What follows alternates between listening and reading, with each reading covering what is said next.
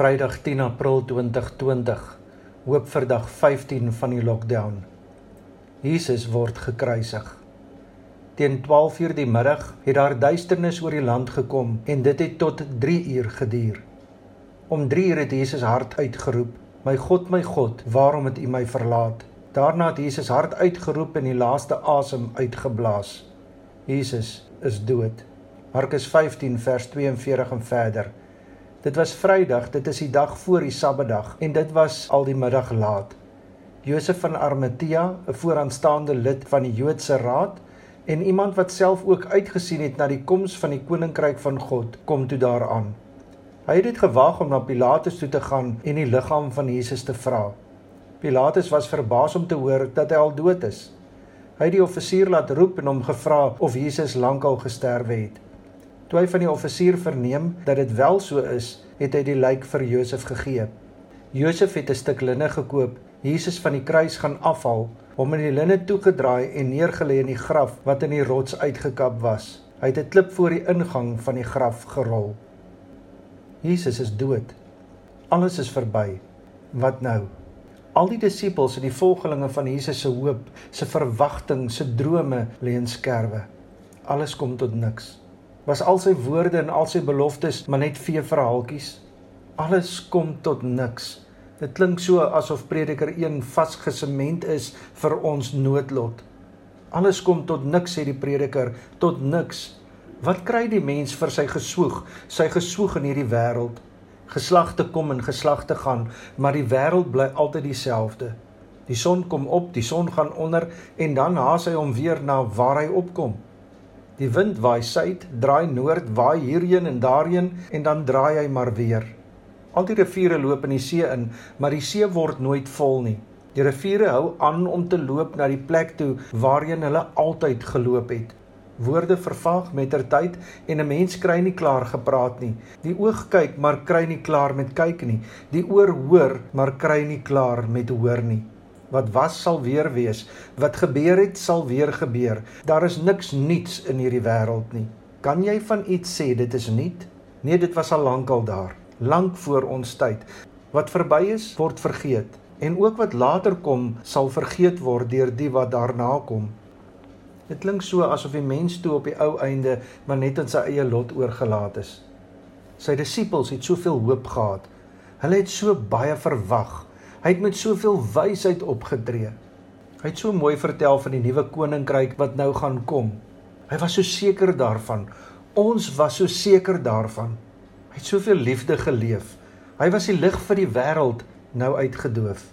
Ons het werklik geglo dat hy die wêreld kan verander. Soveel mense het agter hom aangestroom. Daar was soveel mag in sy woorde, maar tog alles kom tot niks. Hy is dood. Hy het soveel wonderwerke gedoen. Was dit ook maar net oorverblindery? Het hulle maar net gehoor en gesien wat hulle so graag wou hoor en sien? Nou is alles stil. En nou is alles de mekaar, chaos soos altyd. Die wêreld bly altyd maar dieselfde. Verward, hooploos, geloofloos. Wat moet hulle nou doen? Wat moet hulle nou glo? Ons kom ook in sulke Jesuslose tye waar ons soveel verwagtinge gehad het, waar ons geglo het, gehoop het, vertrou het en waar Jesus net verdwyn het. Geen antwoord, geen hoop, geen God. Alles kom tot niks, tot niks. Wat kry die mens vir sy geswoeg? Sy geswoeg in hierdie wêreld, geslagte kom en geslagte gaan, maar die wêreld bly altyd dieselfde. Die son kom op, die son gaan onder en dan haas hy weer na waar hy opkom. Mense kyk na die wêreld, beleef die wêreld en verloor hoop. Kyk hoeveel haat, bedrog, seer, siekte en dood is rondom ons. Jesus is dood. Is God dood? Daar is niks so hopeloos as iemand wat hoop verloor het nie. In hierdie tyd is daar baie mense wat worstel, nie met die lockdown nie. Ons is in 'n sekere sin in 'n vakansie mode. Baie mense worstel met onderliggende mediese probleme. Wat gaan gebeur as ek die korona kry? Baie mense worstel met feite soos my salaris gaan verminder word. My besigheid het geen inkomste, maar my uitgawes bly dieselfde. Hoe lank gaan ek nog kan uithou? Baie se besighede het reeds gevou. Gaan ek weer kan opstaan na die lockdown? Die wêreld gaan 'n nok vat, maar gaan ek enigsins weer kan opstaan? Ek is besig om alles te verloor, maar die mense gaan aan asof niks verander het nie.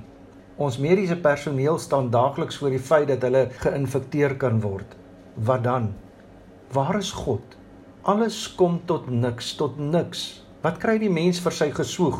Sy geswoeg in hierdie wêreld, geslagte kom en geslagte gaan, maar die wêreld bly altyd dieselfde. Die son kom op, die son gaan onder en dan haas hy hom weer na waar hy opkom. Die disippels het daardie Vrydag geen hoop gehad nie, maar ons weet dat Jesus nie in die graf gebly het nie. Hy het die dood oorwin. Ons weet daar is hoop. Hoe my toekoms hierna gaan lyk, weet ek glad nie, maar ek weet dat my verlosser ook daar sal wees. Sy liggaam is vir my gebreek, sy bloed het vir my gevloei en ek weet, ek is daarvan oortuig, geen dood of lewe of engele of magte of teenswoordige of toekomstige dinge of kragte of hoogte of diepte of enigiets anders in die skepping kan ons van die liefde van God skei nie, die liefde wat daar is in Christus Jesus, ons Here. Hopeloos Nee, prediker kom op die ou einde tot 'n ander gevolgtrekking. Die slotsom van alles wat jy gehoor het is dit: dien God en gehoorsaam sy gebooie. Dit is wat van die mens gevra word. God sal rekenskap eis oor alles wat gedoen word, ook oor wat in die geheim gedoen word, of dit goed is of kwaad. In my goed en in my sleg sal my God altyd daar wees, want Jesus leef. Matteus 6 vers 25 en verder. Daarom sê ek vir julle, moet julle nie bekommer oor julle lewe wat julle moet eet of drink nie, of oor julle liggaam wat julle moet aantrek nie.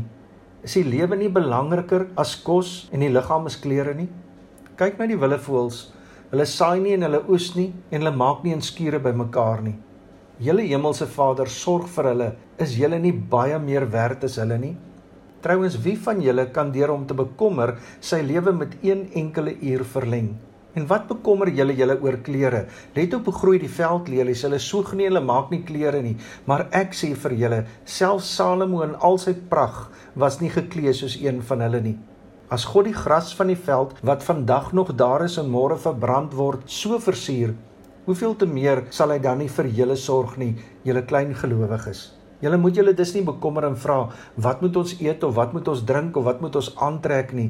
Dis alles dinge waaroor die ongelowiges begaan is. Julle hemelse Vader weet tog dat julle dit alles nodig het. Nee, beywer julle allereers vir die koninkryk van God en vir die wil van God, dan sal hy julle ook al hierdie dinge gee. Moet julle dus nie oor môre bekommer nie, want môre bring sy eie bekommernis. Elke dag bring genoeg moeilikheid van sy eie. Jesus gee vir ons sy lewe. Hy gee vir ons die ewige lewe. Hy gee ons ook vir mekaar en verwag van ons dat ons ook vir mekaar sal lewe gee.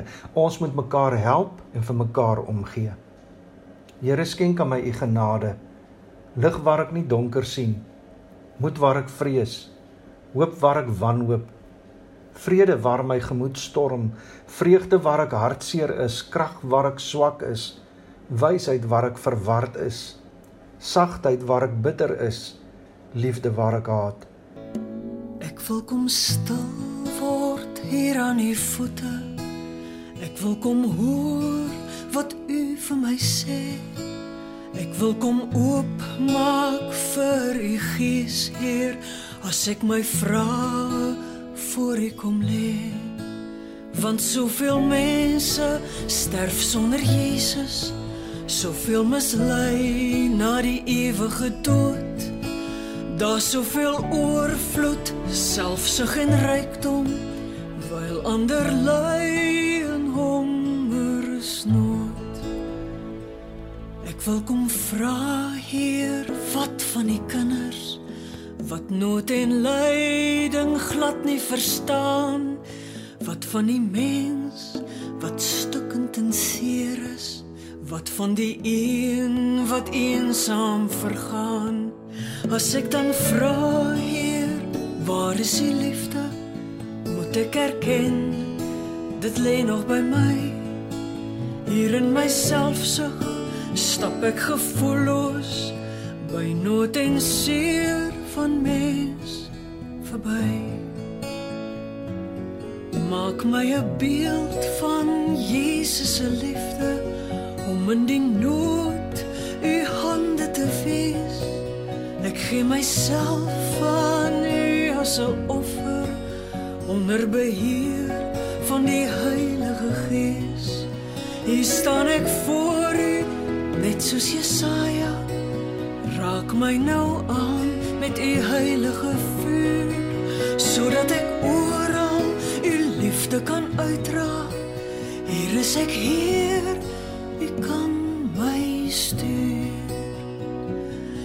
Hier is ek hier,